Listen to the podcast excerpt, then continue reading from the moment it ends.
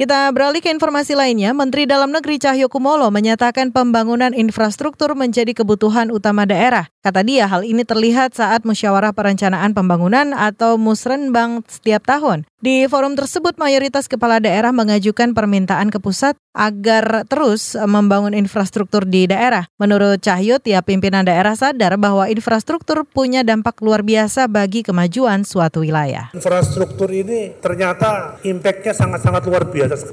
Ini di Musrenbang teknisnya ini ternyata mayoritas permintaan di daerah yang menyangkut infrastruktur ekonomi dan sosial tadi. Masalah jalan, irigasi, pendidikan, kesehatan. Itu saya kira empat fokus dalam musrenbang teknis itu selalu muncul dari 514 kepala daerah tingkat 2 dan 34 gubernur yang ada. Mendagri Cahyokumolo memastikan pemerintah pusat akan terus melanjutkan pembangunan infrastruktur di daerah. Hal ini sekaligus untuk meringankan beban Pemda yang terkendala masalah anggaran.